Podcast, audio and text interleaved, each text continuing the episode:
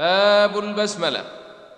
وبسمل بين السورتين بسنة رجال نموها دريه وتحملا. ووصلك بين السورتين فصاحة. وصل واسكتا كل جلاياه حصلا.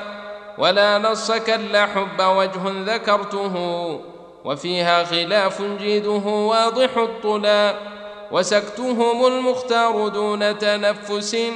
وبعضهم في الأربع الزهر بسملا لهم دون نص وهو فيهن ساكت لحمزة فافهمه وليس مخذلا ومهما تصلها أو بدأت براءة لتنزيلها بالسيف لست مبسملا ولا بد منها في ابتدائك سورة سواها وفي الأجزاء خير من تلا ومهما تصلها مع أواخر سورة فلا تقفن الدهر فيها فتثقلا.